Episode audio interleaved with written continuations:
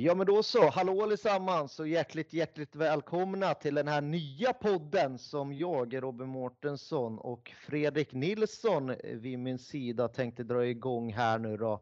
Bandysur 2.0 får man väl kalla det. Jag har ju haft en podd sedan tidigare som då hette Bandysur och du Fredrik har ju också haft en bandypodd tidigare. Vad var det den hette nu igen?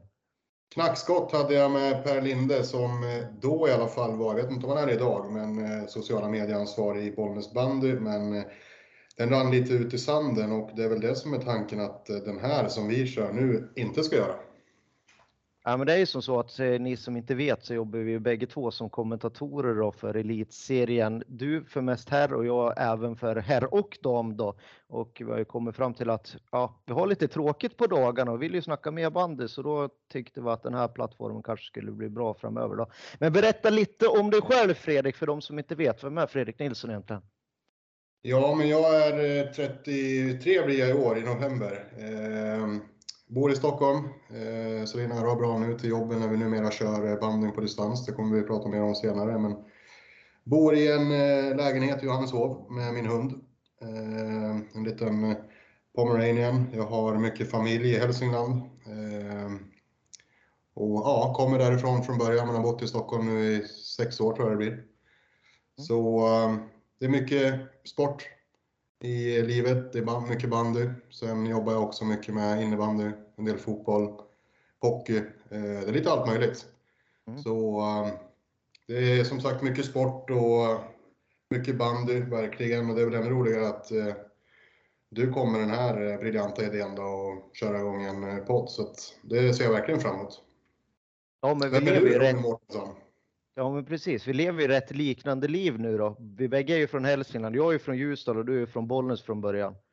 Och ja, jag bor ju också i Stockholm nu. Jag har ju flyttat till Sollentuna här för någon månad sedan och ja, vi jobbar ju tillsammans med banden här på Sportsground i Stockholm där vi kör sändningarna. Vi kommer återkomma till det. Det är mycket frågor kring det kan jag tänka mig och det ska vi väl eh, diskutera lite mer kanske i framtida avsnitt här när ni får ställa eh, lite frågor. Men ja, likt dig då kommenterar inte jag bara bandy utan det är även innebandy, fotboll och hockey. Så man har ju fullt upp. Men det är ett väldigt eh, roligt jobb där. Eh, så så är det. Sen skriver jag även i Bandypuls om allsvenskan. Vi ska ju, det är tänkt som så att vi kommer ju givetvis snacka mycket elitserien herrar. Det blir av naturliga anledningar liksom, för det är där vi följer mest. Men även bandyallsvenskan kommer vi snacka med, om och även elitserien dam då. Sen lite landslagsgrejer och även lite heta snackisar varje vecka. För vi har ju tänkt att den här podden ska komma en gång i veckan, eller hur? Det är precis så vi tänkt oss och så vi hoppas att det blir. Och är det något spektakulärt som händer och när vi, ska säga det också, när vi känner att vi har tid så får man se om det dyker upp något extra avsnitt lite här och där. Men eh, i alla fall en gång i veckan hoppas vi köra minst. Mm. Jag tycker att vi börjar direkt här nu då och så kör vi igång. Vi kan väl börja med den pucken som liksom är jobbet för det är många som har funderingar om det. Och ja, man läser mycket på sociala medier och sånt. Det är ju, tidigare har vi varit ute på arenorna och sänt i vårat jobb då så att säga som kommentatorer. Men nu sitter vi inomhus i Stockholm och kör matcherna. Eh, hur tycker du att eh, det har funkat Fredrik? Nej, men jag tycker att eh, det är väldigt trevligt framförallt att komma och träffa alla grymma grafiker och det är sändningstekniker och alla kommentatorer. Och vi, vi lever ju närmare varandra nu än vad vi gjort när vi var ute på arenorna, så är det helt klart. Sen är det klart att jobbet blivit svårare när vi ser det som tittarna ser som sitter och kollar på matchen. Eh, när vi sitter liksom på distans som vi gör nu. Så att jag tycker ändå att det har funkat väldigt, väldigt bra första ja, tre månaderna eller vad det blir, fyra om man ska räkna in Svenska Cupen. Så jag tycker att det har funkat mycket bättre än eh, vad jag trodde och eh, det kommer bara bli bättre och bättre. Och jag tycker att sändningarna eh, i de flesta fall har varit jätte, jättebra. Och många fina ord på sociala medier, men det är som du säger, det är många som undrar hur, ja men, hur vårt jobb ser ut. Och vi sitter ju nu och istället för bara kommentera, så nu lägger vi repriser själva när det är enkameramatcher. Är det fler kamera så är det inte vi som gör det, men vi kommentatorer då. Men det är liksom det är annorlunda, men jag tycker att det är fruktansvärt kul att komma så nära in på kollegor och eh, ja, men det är ett jävla gött gäng jag tycker att vi har där på Sportsground. Hur tycker du att det har varit de här första månaderna? Ja men verkligen, alltså jag tycker det funkar suveränt liksom så. Men sen, eh, det blir gemenskap där då på kontoret. Men man saknar ju också det här att vara ute på arenorna kan jag tycka. Fasen alltså träffa alla de här legenderna som eh, liksom kokar korv, de delar ut eller säljer 50-50 lotter, de eh, fixar intervjuer, alltså man saknar ju verkligen eldsjälarna där i Edsbyn och Söderhamn och på alla orter man har varit på. Sen är det ju lite annorlunda att kommentera från en skärm. Nu har ju, är vi inte gamla i gamet, det är väl att ta det till lite överdrift, men vi har ju varit med ett tag i alla fall, så vi är vana att kommentera efter skärm. Eh, vissa kanske tror att det är ja, väldigt mycket annorlunda, men det tycker inte jag det är faktiskt. Det har liksom blivit en vanesak det där. Jag kommenterar ju mycket mer på skärmen än vad jag gör live, så jag tycker att det flyter på bra. Även fast band är som sportar där man ibland behöver liksom ha lite mer överblick. För slås det en lyra, då är det ju svårt att se passningsläggare i bild samtidigt som man ser Jocke Andersson dra iväg i djupet för Vetlanda till exempel. Så det är det som blir lite lurigt. Ja, så är det. Alltså helt klart. Det... Karlström heter han ju, sa jag Andersson. Förlåt. Så är det. Men eh, jo, nej men så är det absolut. Det är klart att eh, det är eh,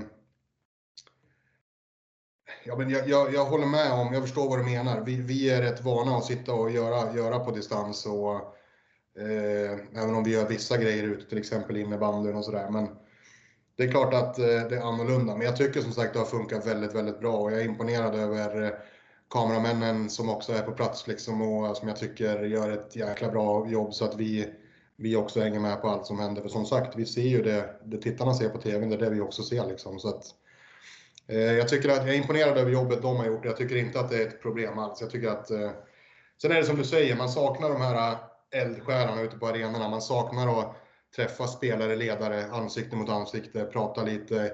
Visst, nu, nu slår man en signal på förmiddagen kanske till någon ledare eller spelare, men eh, man, man kan sakna den här kontakten öga mot öga och, och ut och träffa folk och så. Men det får vi väl göra ändå när vi är lediga. Jag var till exempel eh, Igår när jag var ledig, igår onsdag då, när du kommenterade Hammarby-Rättvik, så var jag på Zinken till exempel och kollade match där. För att man är intresserad av bandy liksom. Eh, och då får man ju träffa de personerna istället. Då. Så att, eh, jag tycker att det finns, eh, som med allt annat, fördelar och nackdelar. Ja, man trodde väl nästan aldrig att man skulle sakna att stå ute och frysa egentligen. Men det gör man lite i alla fall. Ja, helt klart. Ja, det var lite om vårt jobb eller yrket som vi har här i Stockholm. Då. Och har ni frågor så är det bara att skicka ett DM till mig. Bandysur heter jag både på Twitter och på Instagram. Eh, vad heter du Fredrik? Vart kan man nå dig?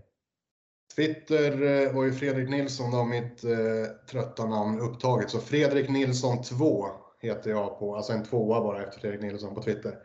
Instagram så är det Nilsson Fredrik Nilsson med en nolla istället för ett O.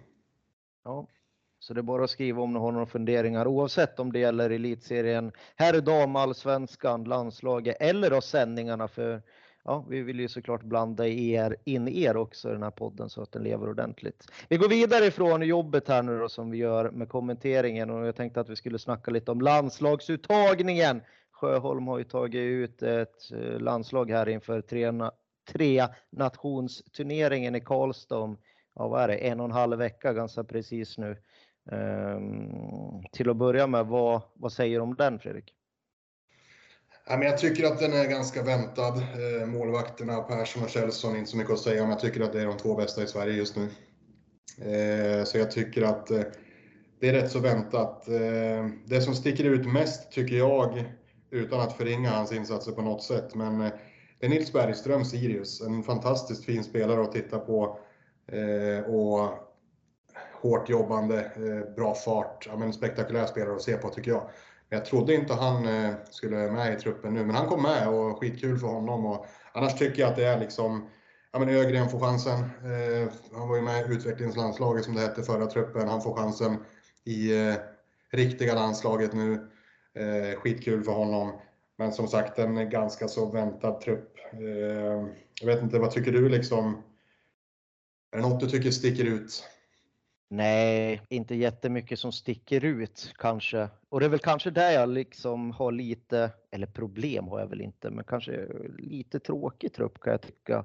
Men jag tänkte komma till det du sa om målvakterna. Nu är ju Kjellson skadad. Han har inte stått för VSK här senaste matchen, så det lär väl bli en annan keeper bredvid Erik Persson då. Vi kan väl dra en ur hatten och vem tycker du är, om Kjellson inte kan vara med nu då, på den här landslagssamlingen om dryga veckan. Vem skulle du vilja se då som ja, den andra målvakten så att säga i truppen? Jag tycker fortfarande att eh, Anton Andersson håller en hög nivå. Jag tycker att Birgersson var bra igår. Eh, jag har inte sett, eh, jag har inte gjort Hammarby jättemycket. Eh, så att Birgersson, jag kan inte riktigt uttala mig om hur han har varit över hela säsongen. Men det jag har sett av honom så är han fortfarande väldigt stabil också. Men eh, jag hade nog kanske gått på Anton Andersson hade jag nog eh, tagit om du tvingar mig att välja. Eh, jag tycker han har varit bättre än eh, Karlström i alla fall. Karlström har kommit igång nu senaste matcherna. Det blir många om och men, men jag hade nog valt Anton Andersson tror jag. Det känns ju som att det är väldigt jämnt i målvaktssegmentet. Alltså, vi har ju haft en Bergvall, vi har haft en Anders Svensson, vad de hette här tidigare år, men känns inte som att det är någon riktigt som sticker ut nu för tiden. Ja, det kanske är Kjellson då med sin starka fjolårssäsong, men det känns ju otroligt jämnt mellan målvakterna i elitserien. Ja, det gör det verkligen. Och de du nämnde, och så hade vi Othén innan han la hjälmen på hyllan. Och det känns som att Kjellson tycker jag fortfarande är etta. Jag tycker att Erik Persson gjort en eh, grym säsong i år. Han var riktigt bra i fjol också tyckte jag Persson.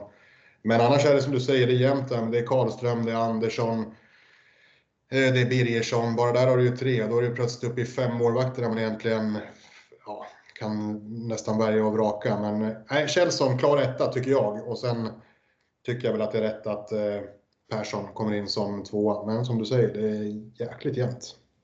Ja, men om Kjellson nu då är skadad och vi säger att vi möter Ryssland i en VM-final imorgon. Vem hade du ställt då?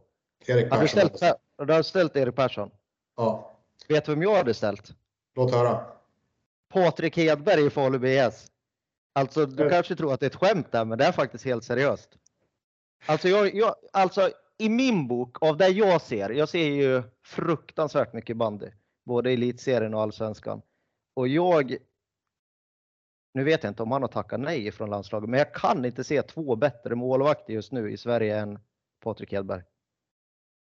Men vad är det, alltså jag vet ju att Hedberg var ju, har ju varit grym liksom tidigare. Jag har inte följt honom lika hårt som han gick till Allsvenskan, men minns ju i bayern tiden och sådär. Men eh, försök att beskriva honom nu i den form han är i just nu. Ja, men det är väl samma, liksom, bara för att man går ner en hack i seriehierarkin behöver man ju inte vara en sämre spelare. Framförallt inte målvakter som inte är så beroende av tempot. Liksom. Om en spelare går ner i, i några år liksom, så kanske man blir lite tempotorsk och man kanske blir lite seg och sånt, tappar liksom tryck i åkningar och sånt. Men en målvakt, ja men de gör ju typ samma grej oavsett serie. Och han är ju fortfarande en otrolig skottstoppare. Han är väldigt stor i mål, väldigt trygg, bra utkast. Alltså för mig är han ganska komplett. Och när han, var, när han tillhörde Hammarby, då var han ju ofta med i landslaget. Inte första målvakten, men var ju där som andra och tredje målvakt. Men så fort han gick till Falun så, ja, så slutade landslagstelefonen att ringa helt enkelt. Jag vet inte vad det beror på, men det är i alla fall vad jag tycker. Sen är ju han lite äldre till åren. Jag tror han är typ 35 år eller något, så det kanske inte är jätteaktuellt. Men ja, om ryssen hade knackat på dörren imorgon så hade jag nog ställt han om Kjellson varit skadad faktiskt. Det måste man ju säga är att sticka ut hakan. Men hade inte Hedberg det lite knackigt när han gick, när han gick tillbaka till Falun han, från Hammarby? Där? Hade han inte lite tufft första året eller två åren? Eller minns jag fel då? Ja, nu minns jag inte exakt vilket år han kom. Om han kom när BS gick upp till elitserien den där sessionen. Uh, ja, jag kommer faktiskt då vilket han kom, men han har ju varit rena rama väggen i år. Falu BS är sexa i allsvenskan med ett lag som, ja, nu ska jag inte vara alltför hård där på utespelarna, men det är ju inte jättestarkt eh, lag man har på pappret så att säga. Nej, det är klart att det imponerar. Och, Eh, ja, nej, det, man får säga, man får credda dig för att du sticker ut hakan och eh, bra klapp i baken på Patrik Hedberg. Eh, om Ryssland är välkomna någon gång framöver igen så är det kanske Hedberg vi kastar in i kassen. Ja, vi får se. I övrigt då, det är ju mm, lite skador och sånt. Ingen Granqvist är ju uttagen bland annat eh, på grund av skada. Då. Men en grej som jag har tänkt på det här med landslaget, det är ju att Ludvig Johansson, han har ju blivit en, ja, men en säker plats i landslagssammanhang. Detsamma gäller Martin Hammarberg. Och det är ju två av tre stycken tredjedelar i det där villa försvaret.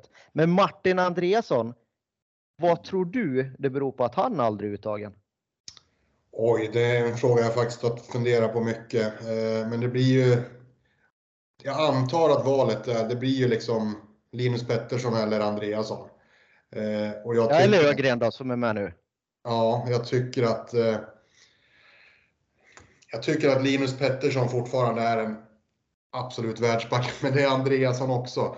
Men ja, vad det beror på. Alltså, det hade ju klart hade gett otroligt med fördelar att haft eh, trion som spelar centralt i Villa, ha dem i, i eh, landslaget också. Det finns ju inga som känner varandra bättre än de där tre. Så att, eh, men det är jättesvårt att säga vad det beror på. Eh, har du någon eh, spontan tanke du tänker att det kan bero på?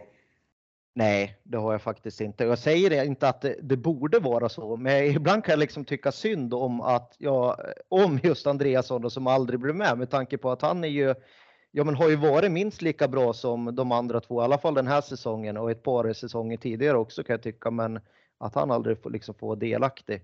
Det kanske är några andra variabler som spelar in där som inte vi är medvetna om. Han kanske inte vill vara med, vad vet jag, men det är någonting som ja, har gnagit i mig kanske och tar det lite långt, men ja, någonting jag reagerar på nu ganska, ja men ett par år i alla fall.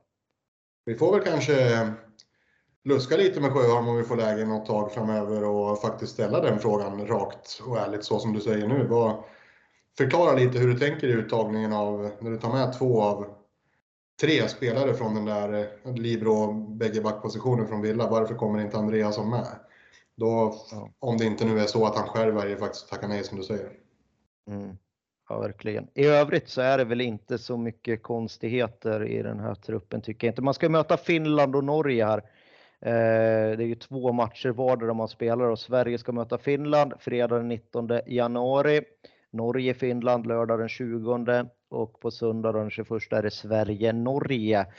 Emellan där då om man har vägarna förbi Karlstad så är det lite skridskokul och bandyskola med svenska herrlandslaget som är på plats. Så har man nära till Karlstad eller ja, bor i Värmland och är intresserad av bandy så åk dit och åk lite grickor här med Krill Edlund och uh, Erik Pettersson och allt vad de heter. Ja, tycker jag är eh, en riktigt bra grej som de styrt ihop här nu och fantastiskt roligt om så många unga som möjligt tar sig dit. Mm, verkligen. Ja, vi går vidare från landslaget. Ehm, vi blickar emot elitserien då som vi såklart ser mest av. Jag kan ju börja med att ta upp tabellerna, kan ju underlätta. Men eh, vi tänkte inte snacka, eftersom det första avsnittet är, så tänkte vi inte snacka så mycket resultat utan lite mera helhetsbilden om elitserien och vad vi tycker om den. Vad säger du om tabelläget hittills? Vi är ju ändå inne i slut tampen ut utav grundserien. Vilka lag är det som har överraskat mest positivt i din bok Fredrik?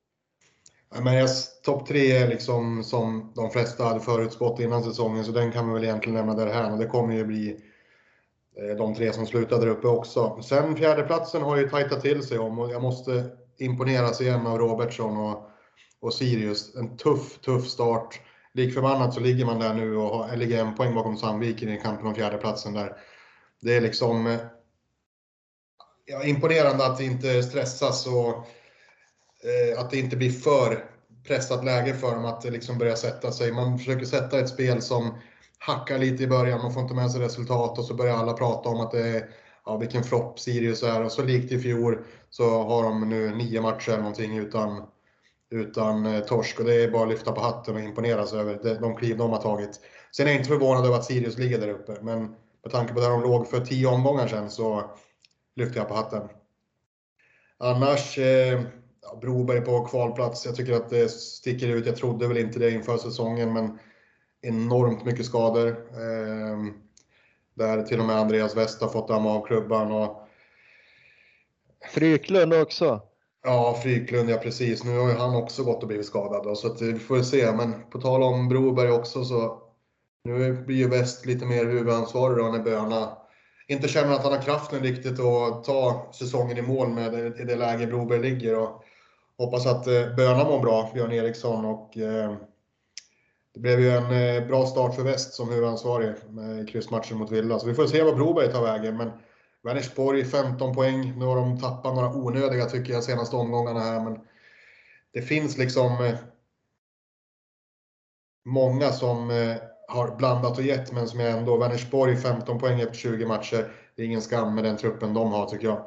Nu har de fått in eh, väldigt mycket rutin där också men Rättvik åker ur, tycker jag inte, ingen eh, skräll direkt. Eh, Motala får kvala, inte heller någon, någon skräll skulle jag säga. Eh, Edsbyn har också börjat klättra igen efter en tung period. Det är liksom, jag skulle kunna rabbla hela tabellen, men Gripen börjar ju otroligt bra. Skador, sjukdomar. Nu är man nere, nere på åttonde plats. Bara tre poäng ner till Vänersborg.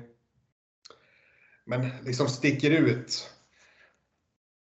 Skulle tabellen vara färdigspelad nu skulle jag säga att det sticker ut att Edsbyn inte kommer gå till eh, kvartsfinal utan att behöva spela åttondelsfinalerna. Annars eh, Frillesås, ska de ta sig till eh, slutspel i år äntligen? Ja, just nu ser det ju faktiskt ut så. Men vad tycker du liksom? Vad sticker ut på dig? Sandviken är också, man imponeras över hur de har fått ihop det. Ja, om jag får säga något lag som sticker ut så här positivt. Eh, jag vet inte, kanske inte spelmässigt så, men Sandviken att de är fyra med det laget de har, det tycker jag är väldigt starkt gjort ifrån dem faktiskt. För det är ju en väldigt eh, tunn trupp i ärlighetens namn man har den här säsongen. Tappar mycket rutin och så, många unga, så att de är fyra till exempel före. Ja, Sirius börjar ju som vanligt tänkte jag säga, men likt fjolåret otroligt tungt som du var inne på. Man har ju verkligen kommit igång här och att, ja, att de även har Edsbyn bakom sig. Ja, jag tycker det är starkt utav Sandviken. Um, I övrigt så är det väl inte jätte, men vi måste ta det här med Rättvik också. Nu har jag kommenterat Rättvik en hel del den här säsongen, men alltså tre poäng har de tagit. Det måste ju vara Ja, det är ju moderna idrotten så pratar man mycket om expected goals och expected points och allt möjligt. Alltså deras expected points är ju bra mycket mer än tre poäng alltså. De spelar jämt mot alla lag. Till exempel igår då, är man bedrövliga i första halvleken mot Hammarby, tycker jag, från min kommentarsposition. Man dräller otroligt mycket på egen planhalva, tappar boll gång på gång. Ligger under med 3-0. Rätt vad det är på en kvart som man ställt om till 3-3 på bortaplan mot Hammarby. Förlorar man visserligen i slutet ändå med 5-3. Förra omgången, då leder man till 90 minuten borta mot Villa. Men släpper in två mål på tilläggstid och får inte med sig någonting. Ursäkta att jag skrattar alla ni som har Rättviks sympatier, men vad, alltså är det dolda kameran eller hur kan de ha tre poäng? Nej, det, jag håller med dig. Och man kan inte... Man kan liksom inte inte tycka synd om dem. Det, så som de har tappat matcher mot, ja men inte minst då nu igår igen och som du säger, Villa. Men det är ju matcher man har spelat jämt med VSK under 60 minuter eller vad det var. Man, men man orkar inte. Det var någon som sa det rätt så väl, om det var jag kommer inte ihåg vem det var, men eh, de pratade i alla fall om, eh, man brukar säga att en match är 90 plus minuter, men i Rättviks värld så är det 90 minuter och den plustiden finns inte. För det är där man, Villa till exempel, Joel Broberg gör mål 91, 92, torsker 7-6 den eh, matchen Rättvik. Det är liksom horribelt egentligen hur de kan ha tagit tre poäng. Och man kommer säga samma sak i år som man sa förra gången de åkte ur, för ett par år sedan. Att eh, det är tråkigt, för Rättvik spelar en rätt trevlig bandy tycker jag. Och är liksom rätt så roliga att kolla på. Jag såg Rimgård prata gott om dem efter matchen igår, eh, när Hammarby slog dem. Och, nej, det är liksom... Eh, man lider nog enormt med det här Rättvik och nu är det ju, det kan ju vara kört faktiskt efter helgen här. Då kan det ju vara så att de matematiskt också är ute. Och det gör lite ont i hjärtat måste man säga. Ja, men likt ja, som du var inne på för två säsonger sedan kommer jag ihåg att det sista jag twittrade ut om Rättvik då var ju att ja, de är alldeles för bra att få åka ur. Då hade de ju både Tellus och Örebro bakom sig då, då. Det var ju 30 matcher den säsongen. Det var ju fler lag efter coviden där. Men eh, ja, Eh, de är för bra för att åka ur alltså. Men problemet med Rättvik, det är ju att de, det är, de presterar på sin nivå presterar de 3 av 5 hela tiden. De presterar bra i varje match, men de har inte den här riktiga höjden i sig. Skulle de åka till ett Dala-derby mot Falu BS eller mot Borlänge, inte skulle de köra över dem med tvåsiffrigt där. Finns inte en sportmössa. Utan de är ju ett gnagande lag som liksom kör på med jämna prestationer. Till exempel Åby då. Som spelar i Allsvenskan. Kungälv som spelar i Allsvenskan. De är ju sämre lag bandymässigt, men de hade tagit fler poäng i elitserien. Hur konstigt det är. De hade haft en betydligt sämre målskillnad däremot. För Rättviks målskillnad är bara minus 56. Man förlorar alltså med, ja, vad blir det, 2,8 mål per match. Det hade ju inte till exempel Åby gjort, men de hade haft mer än tre poäng, det vill jag lova. Ja, och sen är det ju som du säger, de här lagen, Åby och Kungälv till exempel, som du nämnde, de åker ju faktiskt och kör över vissa motstånd rätt så fullständigt. Ja. Eh, men det skulle Rättvik kanske inte göra på, på samma sätt. Och Det gjorde de inte heller när de vann allsvenskan, utan de, de bara gnagade på. Vann match efter match, men det var ju inte så här, ja, plexi vid blå för att uh, tala lite hockeytermer. Det var inte Nej. spel mot ett mål.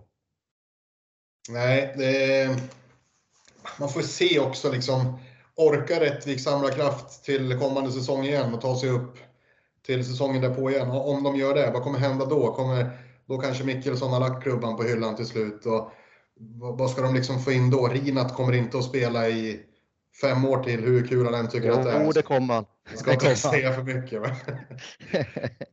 men eh, nej, det är klart att eh, man funderar lite i de här banorna. Men mm, jag tycker uppriktigt och ärligt väldigt synd om Rättvik. Jag tycker att de förtjänar att ha liksom eh, häng på Motala om platserna och eh, Broberg för den delen får hängas kvar, eller får kvalas kvar åtminstone. Ja precis, de förtjänar inte att vara avhängda. Sen är det inte, de kanske förtjänar att vara sist. Det, det kan jag ändå tycka, men att, liksom, att tåget ska ha gått redan nu, det känns lite väl hårt kan jag tycka. Villa Lidköping då toppar i tabellen, det tippade väl mer eller mindre alla här inför säsongen. Eh, I alla fall att de skulle vinna grundserien, men nu har de börjat, ja kanske inte gått på lite miner här, men sedan nyårsskiftet så har det sett lite eh, segare ut där. Vad säger du om Villas framfart? Jag tror som Tim Fors själv sa också efter kryssmatchen senast att eh, det här landslagsuppehållet kommer nog lägligt för Villa. Det är kanske nästan mest lägligt för Villa. Eh, om man nu vill behålla sin höjd in i ett slutspel som inte är allt för långt bort. Eh, annars, eh, så som Villa presterat under säsongen fram till nu efter nyår är ju... Ja, man, det är bara att återigen lyfta på hatten när man kör över Bollnäs i eh, hemma. Man vinner bekvämt mot Bollnäs borta. Eh, man vinner väl rätt så stort mot eh, VSK också vad vill jag minnas. Eller var det Sandviken till och med som de vann stort mot. Men som de liksom genomför de toppmatcherna är, ja, är imponerande. Och eh, vi får ju se, det känns som att eh, man säger alltid det, vad ska kunna stoppa Villa? Men nu känns det verkligen som att nu är det Sixtenssons sista säsong. Frågan är om inte han får avsluta på det sätt han önskar. Jag tror att eh, så blir fallet. Att man står där i ABB Arena i mars och lyfter den där bucklan, det tror jag. Ja, det tror jag också. Jag har ju varenda år de senaste åren har jag varit inne på, ja ah, men i år, ja Villa vinner grundserien, men jag tror faktiskt Edsbyn vinner guld, eller Västerås om det så varit fallet. Jag har aldrig liksom fått den här känslan av att Villa kommer vinna i år. När AIK, när de mötte AIK i finalen, då vann de ju visserligen inomhus där i recoverhallen, men jag hade ingen riktig känsla för Villa den säsongen heller, för SM-guld just. Men i år alltså, hela den här säsongen har jag bara känt att nej, men det, i år kommer det inte gå att stoppa dem. Nej, och så får man ju liksom, nu då när Villa går in i en liten, eh, liten tyngre period, men ändå vinner och får med sig poäng. Det är det som också imponerar mig enormt, för att de faktiskt eh, får med sig poäng trots att det går tyngre. Och torskade en match, det var Västerås borta. Men då är det Västerås som tuggar igång. Bollnäs har också varit inne i en bra period, men det har hackat där också de senaste omgångarna, 5-6 omgångar eller vad det är.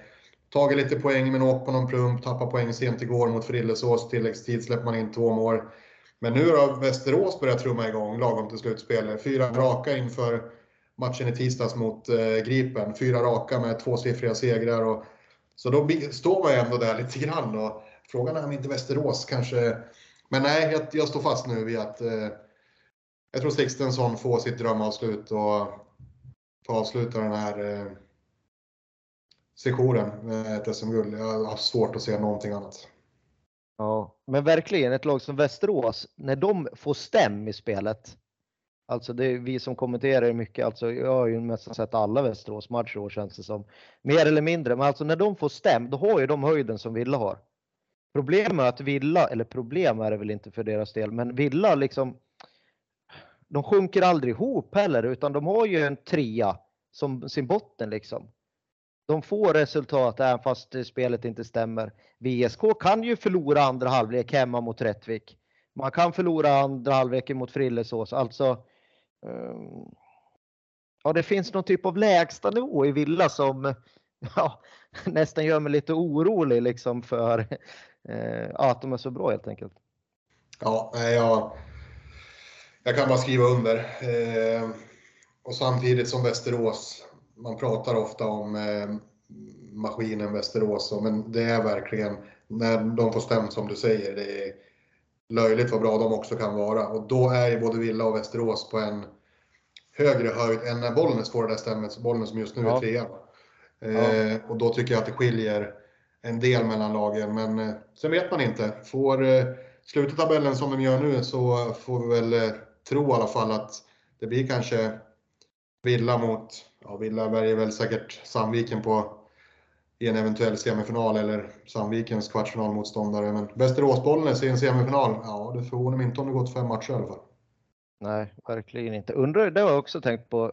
Finalen ska ju gå, som ni alla säkert vet, i ABB Arena då. Det, om Västerås går dit, det kan väl inte vara som så att de får liksom det måste ju vara en bortamatch för bägge lagen, eller hur? De kan ju inte få sitt riktiga omklädningsrum och liksom sådana grejer, utan det ser väl förbundet till att det, liksom, det blir en neutral plan, eller tror du ens de har tänkt på det? Jag har inte varken hört eller sett något om det, så det kanske man inte har tänkt på. Men man sitter väl i planering hela tiden för det där får jag ja. anta. Men det är klart att det ska vara lika för båda lagen. Och ja. är, ska, ska det vara neutral plan, vilket det ska vara i en final, eh, då är det klart att det ska vara samma förutsättningar för båda lagen kan jag tycka. De kanske lyssnar på den här podden och blir påmind om att ja, Västerås får byta om på andra sidan. Och, och vice versa då, så det blir en bortamatch även för dem så att säga. Vi får väl se här, men bägge två har alltså Villa som SM-guldvinnare vad det lider. Någon spelare så här som har stuckit ut tycker du? Hittills i elitserien, någon som du har blivit imponerad av när du kommenterar? Man pratar så mycket om de här som det alltid pratas om, men nivån som Erik Pettersson har i sig, alltså Gripen-matchen när Bollnäs vann med 7-5. Den kommenterade jag och det är liksom, ja, men det är bland det sjukare man har sett när han, han gör väl 3 plus 2 i den matchen. Och, ja, han är på ett spelhumör som in, man inte har sett honom vara i några matcher tidigare. Eh, men när han har den nivån i sig så är han ju magisk att kolla på. Eh, Landström har gjort poäng i varenda tävlingsmatch i år. Inte bara poäng, utan han är ju så drivande konstant i VSK. Joel Broberg börjar komma upp på sitt, eh, sitt eh, max, känns det som, efter eh, skadan som han ådrog sig. Och, annars gillar jag liksom karaktärsspelare också, som jag skulle kunna nämna William Arvidsson i Gripen. Tycker jag är en, ja men, kryper under skinnet på spelare samtidigt som man producerar en del mycket hjärta, Kalander likaså. Eh, Gripen känns det som, eh, då har de tappat en del, men det, där finns det liksom karaktärsspelare verkligen. Mm. Eh, annars, det finns så många som helst. Man skulle kunna rabbla massor. Iris Niemi tycker jag är jättefin i Sandviken. Och, men är det några som du liksom tycker, det är väl samma där, man, man nämner samma spelare känns det som. Men om, om jag säger åt dig att välja någon lite mer doldis då, har du någon så här på rak arm då eller? Uh, någon doldis? Uh... Behöver inte vara just doldis, men bara någon uh, som kanske kryper lite under radarn. Ja, men så här på uppstuds så kanske jag inte har någon riktig doldis som jag tycker har gjort det otroligt bra här. Men liksom, det är ingen doldis, men Martin Landström, han har ju petat in ytterligare en växel i år. Uh, har ju alltid, ja, från senare år har han alltid varit med i landslagssammanhang och så, men eh, Frågan är inte om han har petats in väldigt högt nu på en lista utav världens bästa bandyspelare. Eh, där tycker jag inte riktigt att han har varit innan med, med kontinuiteten och så, men nu tycker jag att han har en jämn hög nivå, levererar otroligt mycket poäng. 37 assist har han gjort i år. Tvåan i assistligan har gjort 26. Eh, säger väl en hel del. Jag håller med dig. Han, nu är han verkligen där uppe och en annan om man ska prata lite Västerås, Viktor Spångberg, nu har han varit eh, sjuk. Ja, han har varit ruggig i år alltså. Hans bästa säsong i VSK överlägset. Ja, det känns som att att få avgöra SM-finalen gav han ytterligare skjuts in i en ny säsong och det här har han varit. Jag tycker han har varit överjävlig i många matcher. Mm. Spelare som du eh, väntar lite grann på då? Är det någon, eh, någon du känner liksom där att, ja, men som man vet har, har i sig men inte riktigt fått det att lossna så långt? Åh, jag vet inte. Svårt att ta sånt här på uppstuds. En, en spelare som jag tycker har presterar väldigt dåligt sett vilket namn det är, det är Adam Gilliam. Men igår var han faktiskt rätt bra när jag kommenterade eh, Hammarby mot Rättvik. Det får jag ge han. Men eh, jag vet inte, han har ju haft skadebekymmer och sånt när han var borta i Ryssland och har väl inte riktigt kommit tillbaka till den spelare han var innan liksom riktigt så. Um, sen är han nyttig ändå liksom för Hammarby men ja, kanske inte uppe på landslagsnivå eh, nu för tiden. Um, I övrigt så vet jag faktiskt inte riktigt um, om jag har något namn. Nej, det finns ju, men det är som du säger, det är skador och det är Tobias Nyberg väntar man lite på. Han har haft diskbråck så det är inte så konstigt man har väntat lite på honom.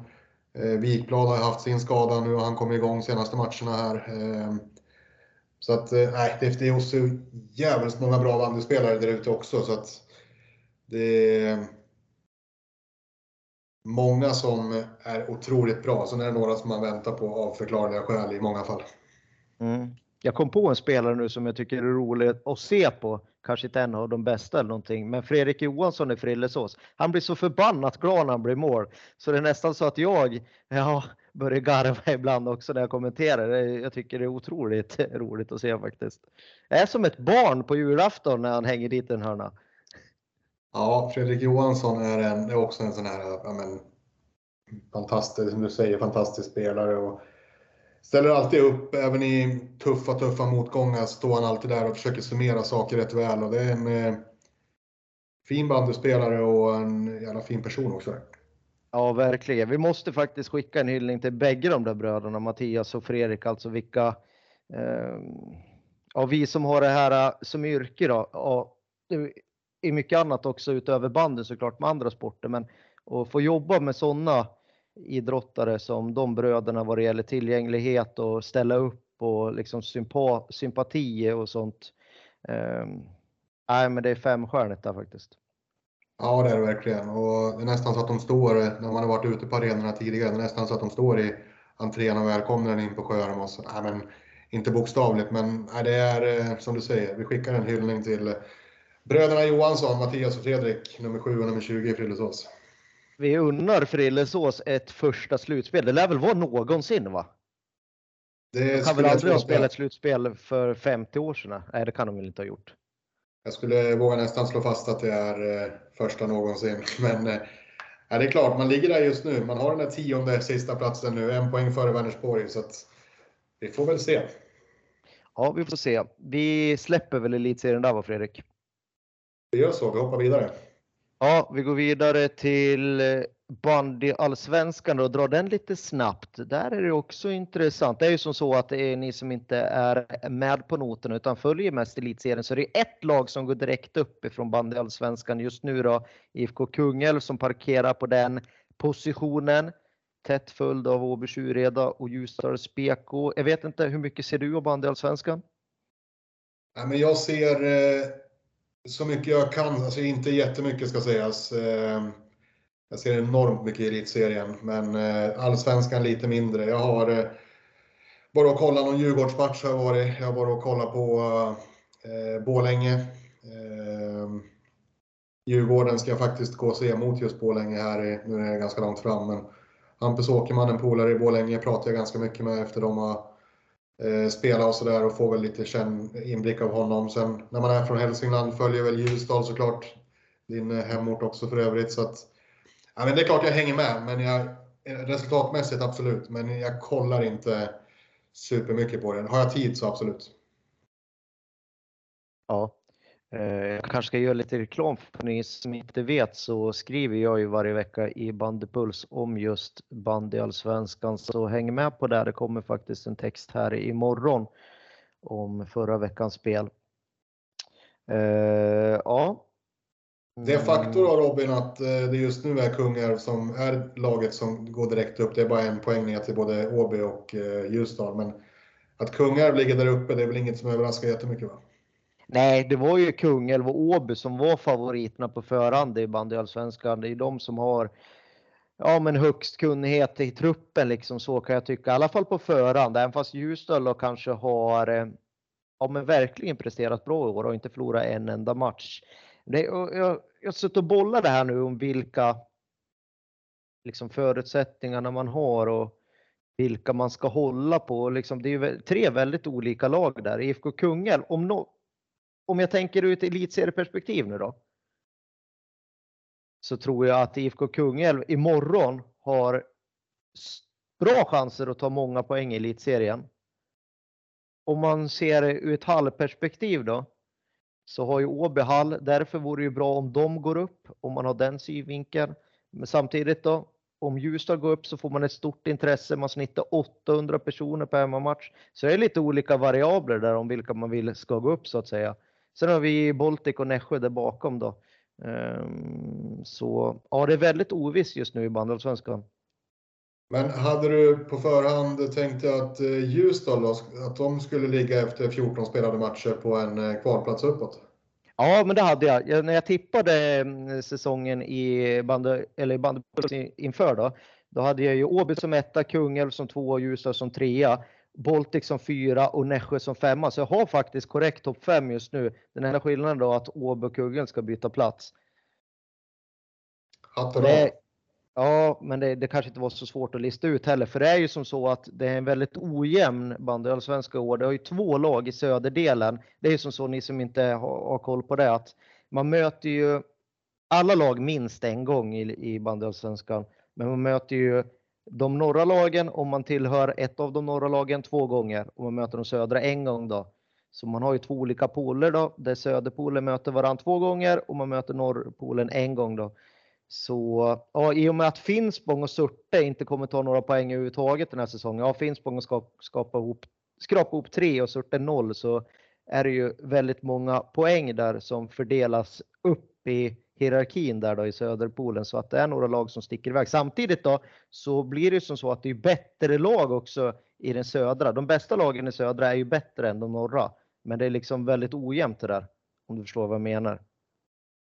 Vad säger man om ett sånt eh, upplägg då? Jag tänker de lagen som till exempel får möta just nu slagpåsarna Finspång och Surte till exempel två gånger. Alltså så här tänker jag. För Kungälv och Åby så är det ju inte bra att Ljusdal får möta jämnare kvalitet. Eftersom Kungälv måste möta Åby två gånger, måste möta Baltic två gånger. Men är man ett bottenlag som till exempel Tranås, de gynnas ju oerhört mycket av att få dubbelmöte mot Finspång och Surte om de vill hålla sig kvar. För då har de ju liksom, ja, eh, åtta gratispoäng där om man får dra det lite hårt. Så det beror ju på hur man ser det där. Men alltså generellt så är jag väl, det hade ju varit bäst om det blir dubbelmöten. Men samtidigt är det en ekonomisk fråga och vissa sporter de vill ju nästan gå ifrån dubbelmöten nu och istället köra mer derbypooler. Till exempel SHL har ju det där mycket på tapeten i hockeyn.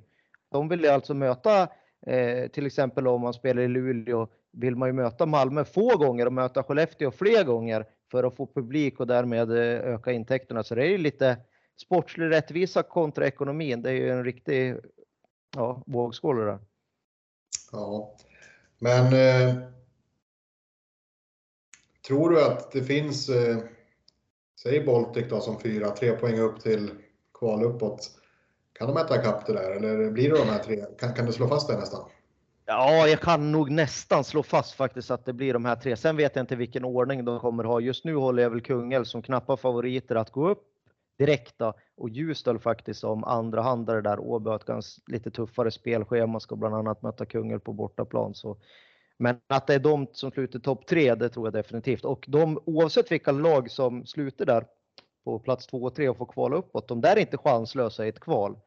Vi såg ju Kungälv i fjol, de var ju med till sista omgången. Vi har sett Åby tidigare säsonger. Alltså de här lagen är bra nu i Allsvenskan. Toppen i Allsvenskan är bra och det här är någonting som Motala bör vara orolig för. Ehm, just nu då, vilka lag är det där? I övrigt Broberg eh, kan inte ta det där på en klackspark utan eh, Allsvenskan har blivit så ohyggligt mycket bättre. Framförallt toppen. Och det liksom blir bättre år för år. Så allsvenska lagen, topplagen är starkare nu än vad de var för tre år sedan. Och, ja, det kommer väl bara fortsätta så framöver. Det är en väldigt bra serie där. Förutom botten just i år då som är ju ja, en snudd på bedrövlig. Djurgården då som eh, det skrevs mycket om inför säsongen av förklarliga skäl också. Men eh, nia ligger de just nu, 14 poäng. Vad säger du om deras säsong så långt?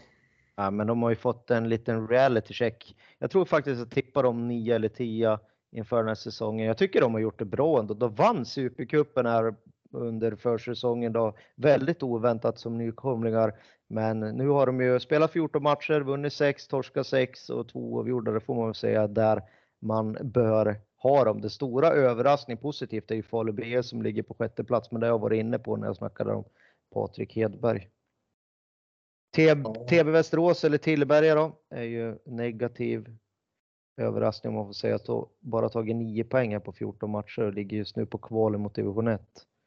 Var ju nära att kvala uppåt i fjol till elitserien. Ja, Borlänge ligger även de där, men det känns väl som eh, ska mycket till va, om något av de här lagen ska snubbla på ett division 1-lag, även om det är topplag i division 1 eventuellt ja. Ja, men det har man ju svårt att se, framförallt med tanke på hur kvalet är upplagt där med tre, tre lag i varje grupp och två går vidare så det är svårt att se något av de där lagen ska åka ur som går till kval. Det har jag. Ja, vi nöjer oss med bandyallsvenskan där tycker jag Fredrik och så snackar vi lite kort här om elitserien dam för det sänds ju också här på Bandypuls och Expressen där vi jobbar till vardags. Inte bara herrarnas som sänds utan även damernas samtliga matcher. Um, hur mycket kollar du på damelitserien Fredrik? Ja, men, eh, en hel del. Eh, har inte kommenterat någonting i serien. Däremot eh, Svenska Kuppen gjorde jag mm. eh, finalen bland annat. Eh, men sen kollar jag på, som sagt, det är mycket, mycket bandy, så jag kollar en hel del på, på damernas elitserie och måste säga att jag är imponerad över det Rättvik har gjort. Eh, jag trodde inte de skulle ha tagit 9 poäng efter 10-11 matcher. Jag tror de spelade 11. Eh, annars är det väl eh, Villa Lidköping etta. Det var, behövdes ingen hjärnforskning för att förstå att Villa och Västerås skulle vara etta, tvåa. Sandviken såklart hotar med Tilda Ström och Alander-värvningen. Alander som för övrigt tagit en eh, timeout nu då eftersom att eh, det ska födas barn. Så grattis till Emma Alander. Eh, mm. Men det är klart det är ett otroligt tungt tapp sportsligt.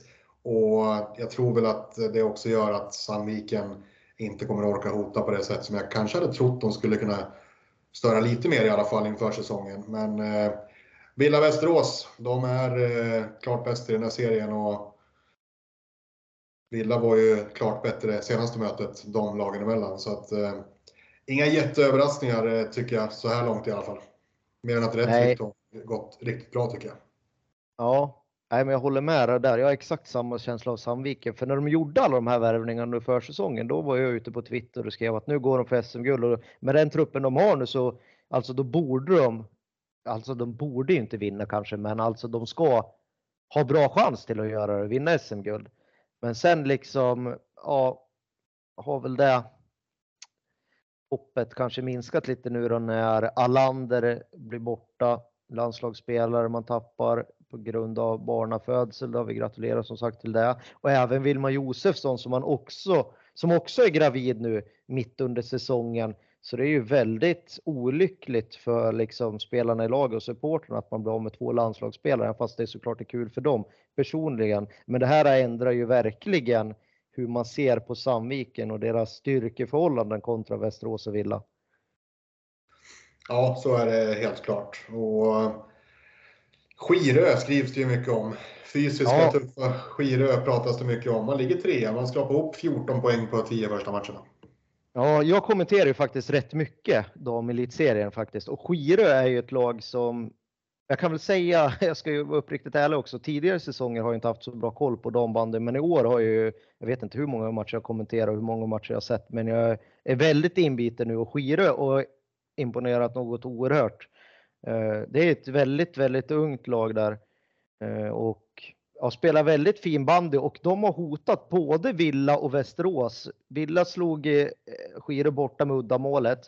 Eh, Skire ledde stort borta mot Västerås men torskade ABB med uddamålet så de har verkligen stört de där eh, bägge jättarna. Så det, alltså det är inte omöjligt. Det är väldigt låg chans eller risk beroende på vilka man håller på att Skirö spelar final, men alltså det finns i leken ändå att de kan sluta eh, alltså topp två och spela en final, alltså för så pass bra är de. Och sen det där du nämner om, jag vet inte, jag har inte hängt med som sagt tidigare säsonger med det där att de spelar fult och hårt och fysiskt och sånt. Det har inte jag sett någonting av i, i år faktiskt, utan det är väldigt skridskoskickligt och spelskickligt lag som lirar rätt fin bandy.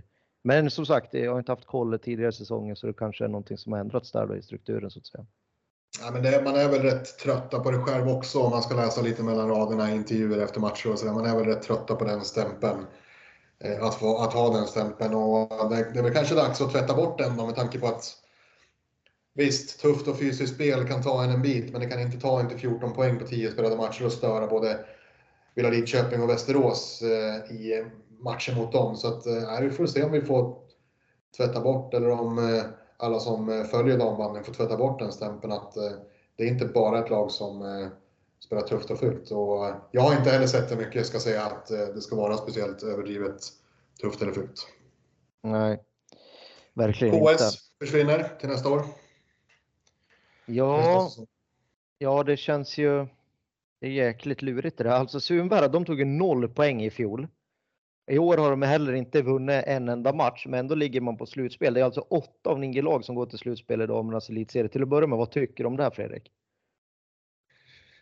Jag hade hoppats att eh, serien skulle ha utökats till, eh, varför inte 12 lag? Sen förstår jag om det hade skapat kanske resultat som eh, man helst inte för stora resultat. Det är för stora skillnader på, på, från allsvenskan i och med att det är den lägsta serien som finns på, för alltså senior dam. Då är det allsvenskan och det är klart att utöka bara för att utöka det är inte heller liksom korrekt mot, eh, mot sporten eller lagen underifrån. Men att åtta av nio lag går till slutspel känns väldigt sådär. Det är som i SDHL där i hockeyn där åtta av tio lag går till, till slutspel känns inte heller jag vet inte. Glödhett. Jag är väl inget jättefan av upplägget. Nej, jag håller faktiskt med. Men samtidigt, då, hur ska man annars göra? Man måste ju ha ett jämnt antal så att säga. I så fall är det att nöja sig med fyra då och spela semi direkt. Det kanske också känns lite kallt. Helt klart, helt klart. Nej, det, det är klart, på något sätt måste man göra det. Och det här är, det här är med nio lag i serien så är det här säkerligen det bästa upplägget och då, då får vi rätta oss i ledet och köpa det. Mm, verkligen. Ja, vi bägge två var inne på att Villa kommer ta guld på eh, här sidan. Eh, ja, jag som har kommenterat, de har spelat 11 matcher, jag kanske kommenterar 8 av de där vilda matcherna, Jag är helt övertygad att de vinner guld på damsidan också, för jag har aldrig sett ett damlag vara så bra som de har varit i år. De har släppt in 7 mål på 11 matcher, alltså ett halvt mål per match i snitt och man gör ju över 10 framåt per match också. Ja, det är ju otroliga siffror. Ja, det måste man verkligen säga. Och eh, det kanske var bra för Villa Lidköping att åka på. Det är alltid tufft att förlora och när man är favoriter och inte vinna titlar och så vidare. Men det kanske var en ganska nyttig smäll att åka på i Svenska Cupen där i eh, höstas. Ja, en liten käftsmäll för att vakna till. Det är aldrig fel. Nej, jag tror att eh, det är något de har tagit med sig in i den här säsongen och ja, 117-7 i målskillnad och leder ju överlägset också poängmässigt eh, över Västerås också. Men att de två står i final, att vad som helst kan hända i en, eh, i en final. Västerås har två matcher mindre också ska sägas. Men upp på 19 poäng så kommer Villa fortfarande inte att tappa 3-4 poäng till under den här säsongen. Så vi får se vilka som tar hem det när det ska avgöras i Västerås här i mars. Mm, du tror att det blir Villa-Västerås i alla fall? I finalen? Det tror jag. Sticker du ut hakan och säger skidor? Jag? Ja. Nej, det gör jag väl inte. Alltså det är en sak att tro någonting, då måste man ju tänka logiskt. Men det hade varit kul om Skirö skrällde. Sen ska jag inte räkna ut Sandviken heller. Man har ju höjden i sig när man väl får till det. Man spelar rätt bra sist mot Villa, förlorade med några bollar visserligen på bortaplan. Då saknar man en hel del tjejer också. Um, de har höjden i sig Sandviken, men jag förstår inte heller, det kanske jag kan ta upp nu, uh, varför Linder och Allansson, Ros heter han va, assisterande i Sandviken spelar Tilda Ström som någon typ av def mitt. Kan du förstå det? Nej, eh, jag vet inget om det, så det här är vilda spekulationer. Jag får för mig att det är något på lite av hennes eget initiativ för att hon vill vara ännu mer delaktig i spelet. Vill, eh, det har varit problem med motivationen där. Då, då blev det Sandviken, eh, en nytändning för henne. Frågan är om det också kommit under säsongen här att man vill vara ännu mer delaktig, driva det ännu mer. Man behöver ta ännu större ansvar när man inte har samma kvalitet runt om sig som man hade i Villa. Eh, jag vet inte, men det är något jag har tänkt på i alla fall. Mm. Ja, men så kan det säkerligen vara. Men eh, ja, framför allt känner jag så här. Det är ju visserligen så i herrbanden också att vissa spelare kan sticka ut och göra mycket på egen hand. Men alltså om man har världens bästa spelare som gör överlägset mest mål. Jag vet inte hur många år i rad hon har vunnit skytteligan med 100 mål. Liksom, eh, hon gör ju inte lika stor skillnad som någon typ av städare på mittfältet om du förstår vad jag menar. Den positionen kan ju fler fylla. Däremot är det ingen som kan göra 100 mål. Den skorna, eller de skridskorna uppe på topp är det desto svårare att, att fylla. Så för Sandvikens del så, så blir man ju väldigt mycket sämre, kanske är fel ordval här, men man blir ju man får ju en betydligt sämre höjd i sig i alla fall när det gäller spelet.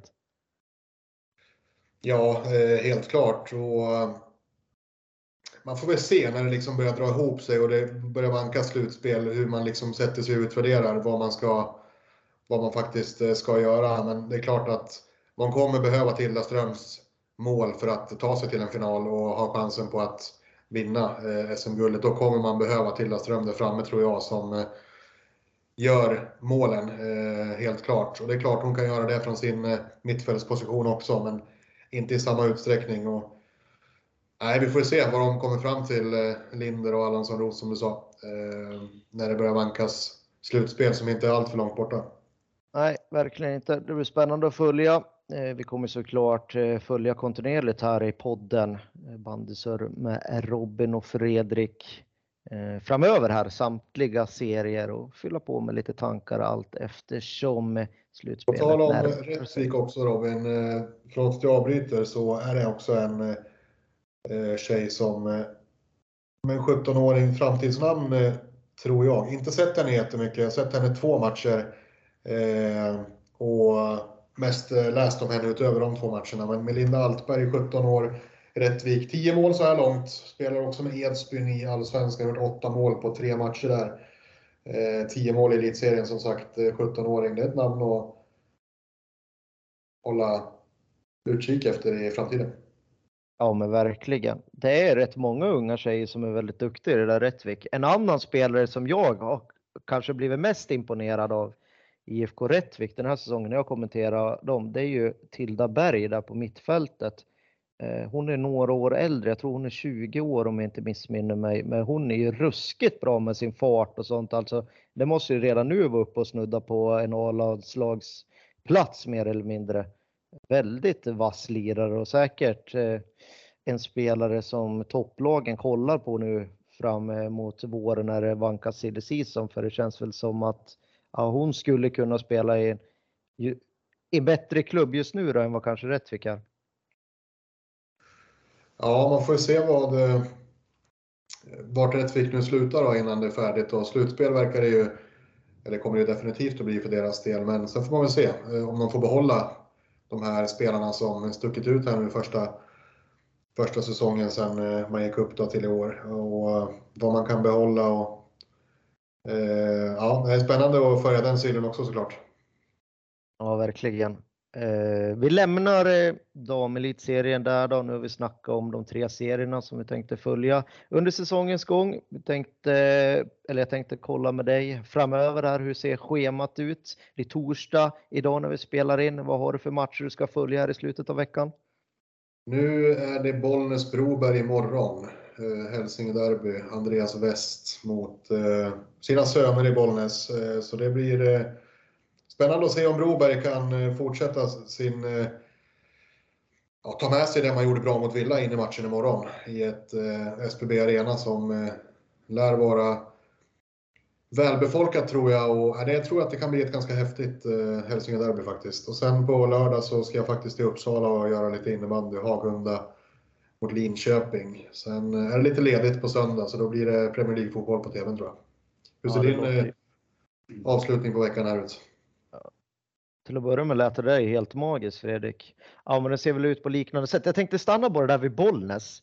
Fasen var de eh, eh, Hallens intåg. Må, du är ju från Bollnäs, men liksom vilken jäkla snurr och eh, karusell och glass och ballong där runt Bollnäs GIF-band just nu med publiktillströmningen och vad heter alltså. Nu är ju Bollnäs just nu spelmässigt herren på täppan i Hälsingland vad det gäller där ute på planen. Men är allting runt om också alltså ja, Bollnäs, fasen vad de är mycket bra just nu alltså. Man har väl fortfarande, nu har jag inte sett eh, snittet eh, exakt, men man ligger väl runt 2000 Och att locka 2000 pers till eh, en match en tisdag i eh, mitten på december eller vad det nu må vara. Det är jätte, jätteimponerande. Och hallen i sig har ju såklart blivit ett eh, jätte, jättelyft. Och nu, som jag är inte hemma i Bollnäs speciellt mycket. Jag eh, har inte bott där heller på sex år, så jag har liksom inte eh, hängt med och har liksom inga eh, ingen inside på det sättet och vet inte något mer än vad någon annan vet egentligen. Men det man kan i alla fall slå fast är ju att eh, Hallen och värvningen av Erik Pettersson inför fjolårssäsongen då och eh, det är klart att vi har gjort eh, jätte, jättestora, satt Bollnäs på kartan, gjort ännu mer avtryck i Bollnäs eh, sen dess, det helt klart. Och hallen, det var ju lite frågetecken i början. Jag kommer ihåg första matchen Bollnäs gjorde i den där arenan. Ledde man väl med 1-0 i paus mot Västerås och förlorade med 1-8 och sen var det rätt tunga matcher i arenan där till en början och då började man väl spekulera lite där i Hälsingland. Ja, var det verkligen eh, så bra att flytta från Sävstaås? Men det har ju visat sig bli ett eh, superlyft ju. Ja, jag kollar faktiskt statistiken. 1992 i snitt här på 10 matcher. Det är ju väldigt, alltså de har ju ökat vad hade de på Sävstås de sista åren? Drygt 1000 personer, alltså nästan 80 procents ökning eller något liknande.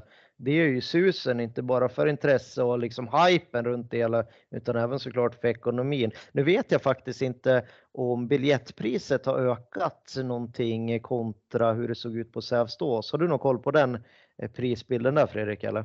Nej, jag har faktiskt inte det. Eh, om jag inte missminner mig helt så på Sävstaås, undrar om det var 120 för vuxen och typ 80 för pensionär och 60 för, eh, ja, jag kommer inte ihåg, men 120 vuxen tror jag att det var i alla fall de sista åren på Sävstaås. Jag kan ha fel här, men jag vet inte vad priserna ligger på i SBB Arena.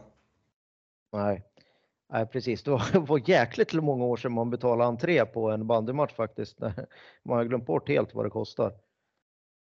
Ja, det, men det är nog som du säger med publiken där. När man, när man var där och kommenterade när, när de var på Sävstaås. Det var ju liksom eh, en huvudläktare som man tycker brukar vara rätt så fylld var ju plötsligt halvfylld. Och, eh, man, eh, det var nog väldigt, väldigt tur för Bollnäs del att man redde ut det där negativa kvalet som man var på väg att faktiskt inte göra.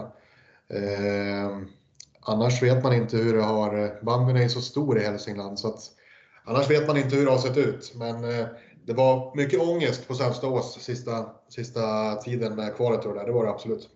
Ja, verkligen. Jag kommenterade ju faktiskt den sista avgörande matchen där i kvalet. Då valde man ju att flytta matchen mot Lidköpings AIK från Sävstaås för att få bra förutsättningar i ladan i Edsbyn då. Man måste ju vinna med 7-8 mål eller vad det var innan det var färdigt. Man gjorde ju tvåsiffrigt ganska enkelt på like som inte hade någonting att spela för, men det satt ju ändå hårt inne den säsongen.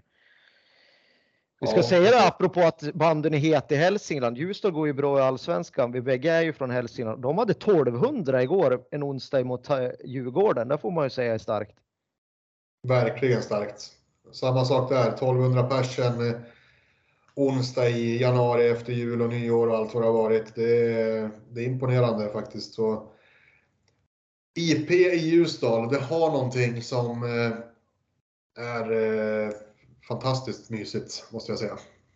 Ja, men eh, jag som är ifrån orten vill ju också strängt påpeka om det är någon politiker eller kommunanställda som lyssnar på det att hallen ska till och det är relativt snabbt tror jag för den långsiktiga utvecklingen där vad det gäller banden.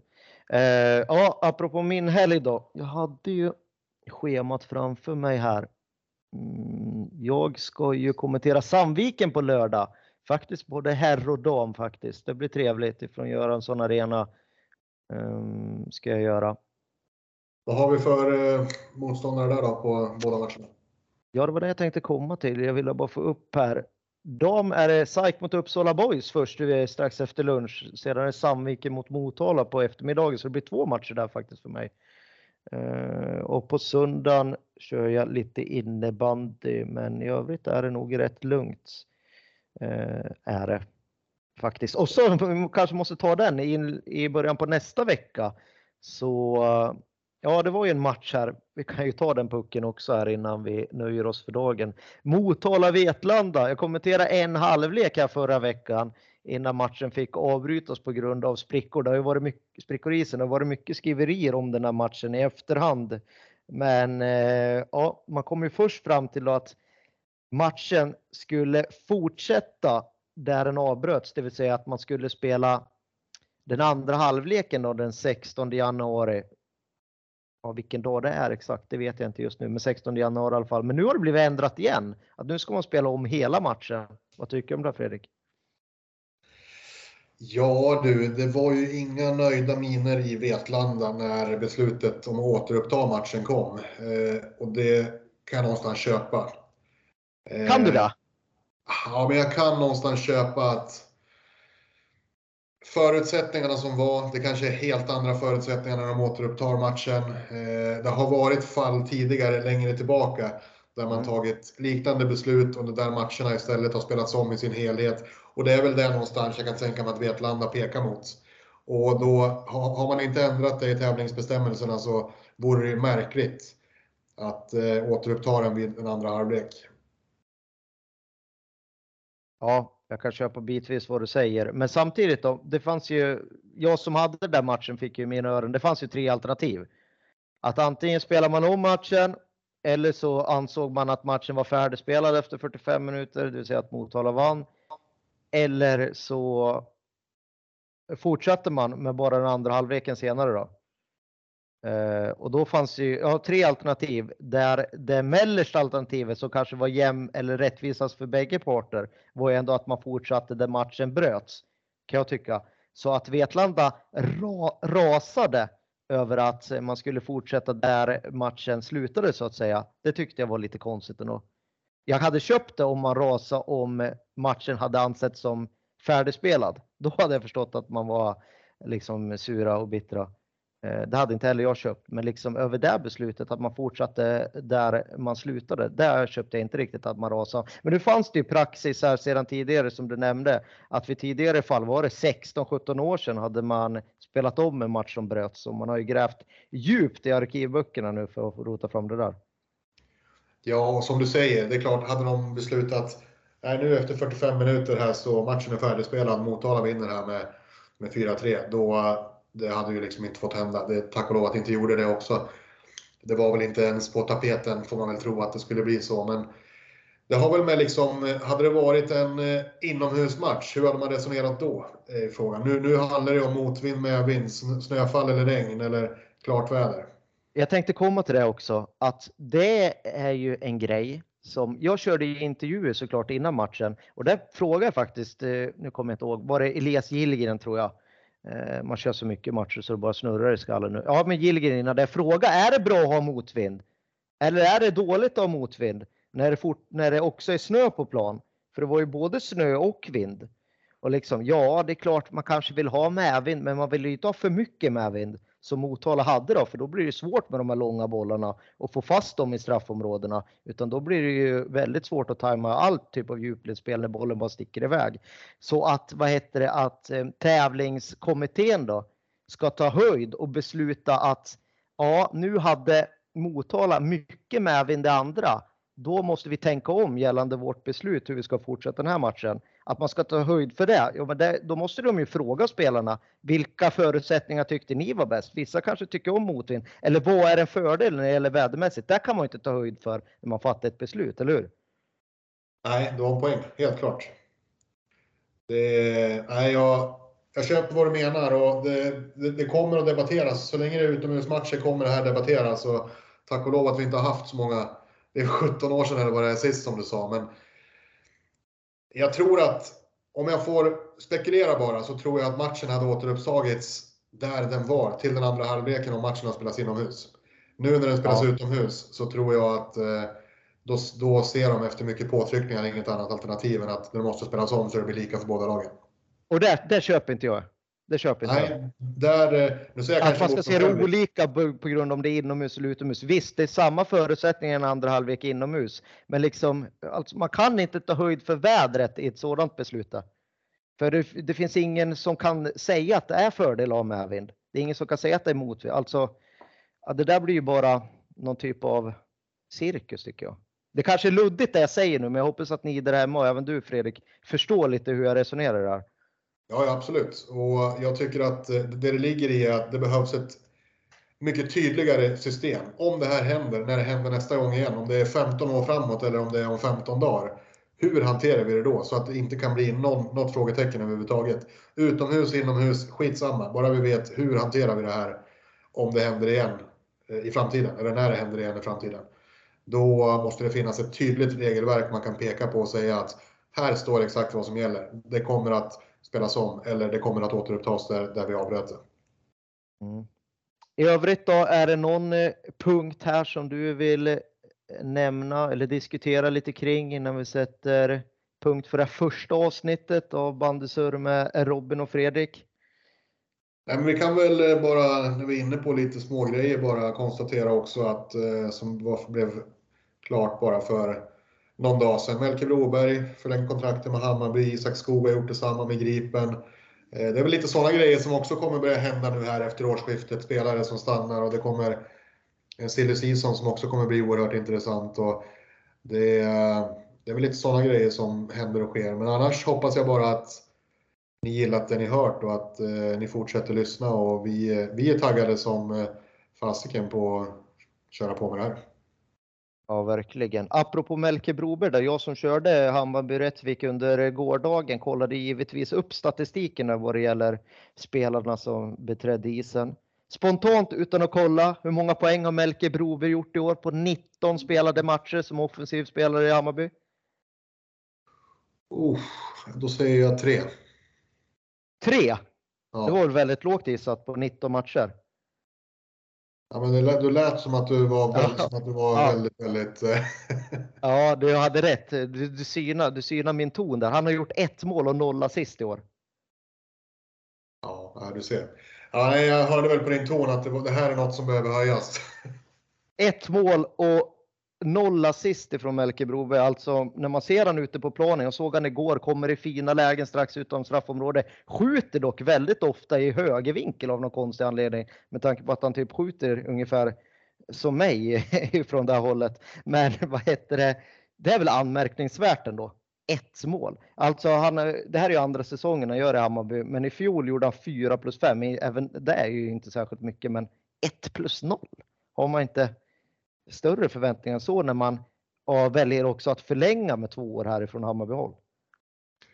Ja, och sen har väl han, om jag inte är helt ute och cyklar, så har väl han hoppat runt lite också. Han har varit anfallare en sväng. Det kanske blir någon liten osäkerhet också i vart, vart man ska befinna sig på banan och sådär. Men det är klart av en offensiv spelare på 19 matcher, är klart det ska vara mer än en poäng. Det känner väl de flesta offensiva spelare skulle jag tro efter det, den poängskörden. Men jag har sett Hammarby, jag har inte kommenterat så jättemycket Hammarby, så jag har sett han lite för lite. Men det jag såg av honom igår, så jag tycker att han är kraftfull och rätt eh, häftig att titta på när man, eh, när man följer honom ute på isen. Ja, absolut. Alltså, jag tycker om spelartypen och liksom hur han agerar på isen. Eh, Melker Broberg, alltså, jag tyckte han var nyttig igår också, men ändå ett mål. Eh, det var nästan så jag tänkte att undrar om de har lagt in på fel Melker Broberg nu, att de har gjort det på två olika stavningar i bandygrytan så att eh, alla mål och assist bara ligger på det kontot istället. Men så var faktiskt inte fallet. Nej, det finns ju också en, eh, ja, men, eh, mittfältare poängskörd. Man förväntar sig inte 30 poäng direkt, men Kasper Sandgren har haft det tufft poängmässigt i Bollnäs också. Men får mycket, mycket förtroende, spelar mycket, så de ser ju något annat liksom. Eh, sen kommer ja. det ju lossna för de båda tror jag, både Melker och Kasper. De är unga båda två och sådär. Så att... Ja, verkligen. Uh, äh, nu låter man ju som världens största statistiknörd. Jag är faktiskt inte väldigt uh, intresserad av eller jag är inte så jätteintresserad av statistik. Jag använder inte så mycket i alla fall i min kommentering, men jag stötte på en grej här som jag måste också ta upp apropå Melke Brobergs en poäng här. När jag kommenterar Skire här för någon matchen. Skire har en spelare som heter Emma Ek som är bidragande i offensiven. Hon, har spel, hon är bara 19 år men har spelat många match, eller många säsonger nu i elitserien. Jag ska räkna här. 1, 2, 3, 4, 5, 6 säsonger i elitserien med Skire har hon gjort. Gissa hur många mål hon har gjort? Under de sex säsongerna tänker du? Ja, sex säsonger. Ja, i och för sig. Men vi kan nog bara räkna fem av dem, fem var en match. Fem säsonger, det är 23 matcher plus 19. Det är alltså 42 plus 20, det är 52 plus 10. Det är 62 matcher i elitserien. Hur många ja, mål har Offensiv sa du. Ja, men alltså säger... hon är inte offensiv, hon spelar ju typ halv eller någonting. Eller hon spelar mycket efter kanten i alla fall. Hon kanske är back någon match också, vad vet jag. Men typ som en halv. Alltså hon är väldigt duktig. Ja, men då säger jag att hon har gjort 18. Hon har gjort noll. Hon har aldrig gjort ett mål i elitserien. Nej, du ser. Det är helt sinnessjukt. Vet du hur många assist hon har gjort? Ja, då svarar jag noll där också då. Nej, då hade hon inte varit bidragande offensiv om hon hade gjort noll plus noll på 2000 matcher. Nej, då säger jag 18 där. Nej, hon har gjort 28, Oj. 30. Hon har gjort 0 plus 30 under sin elitseriekarriär. Ja. Alltså ja, det är otroligt det. Ja, det är det absolut. Det, nej, det, det, man borde liksom kunna snubbla in någon boll på något sätt. Men sen vet man ju inte hur mycket spelar hon sina första år i elitserien då. Men fem, ja, fem sex säsonger i elitserien som 19-åring, det är ju varma applåder. Ja, ja, absolut, absolut. Det här är absolut ingen diss. Men det var lite roliga siffror, alltså 0 plus 30. Så, sånt ser man ändå inte ofta. Nej, verkligen inte. Ja, men då så Fredrik, jag tänker att vi nöjer oss där. Det blev en lång, lång, eller långt, långt första avsnitt det här, men det var ju så otroligt kul att snacka ur sig om lite bandy i det här första avsnittet av podden, eller hur Fredrik? Så är det. Tiden går oerhört fort när man har roligt och hoppas att ni också haft roligt och tyckt att det har varit intressant att lyssna lite till de olika serierna och våra arbeten och så vidare. Och vi kommer som sagt att släppa ett avsnitt i veckan. Det är torsdagar vi siktar in oss på och de två första avsnitten kommer att vara gratis och eh, framtida avsnitt kommer ni att kunna lyssna på en del utav. Men vill ni lyssna på hela avsnitten efter avsnitt två då, då ser vi gärna att ni stöttar oss via Patreon och där ligger det länk i beskrivningen till poddavsnittet.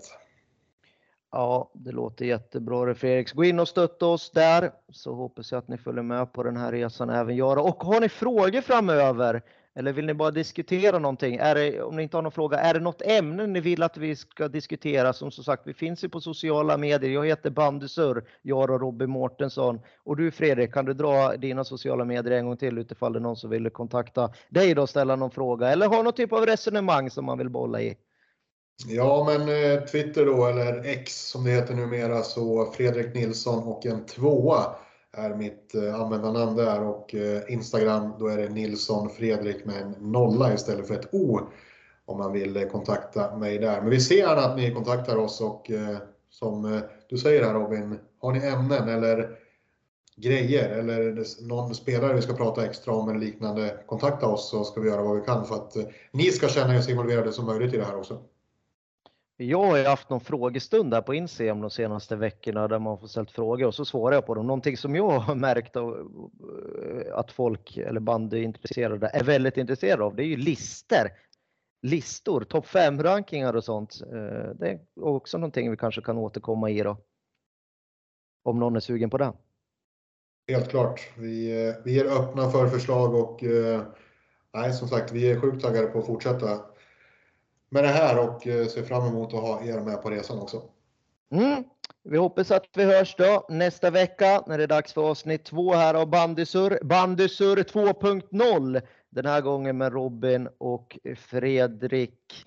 Om, ja, men innan vi hörs då så hoppas jag att vi hörs i helgen då eh, när vi kommenterar lite bandymatcher här på Bandypuls och Expressen. Vi säger väl som så. Vi tackar för idag nu då och så får vi önska er en trevlig helg framöver, eller hur Fredrik?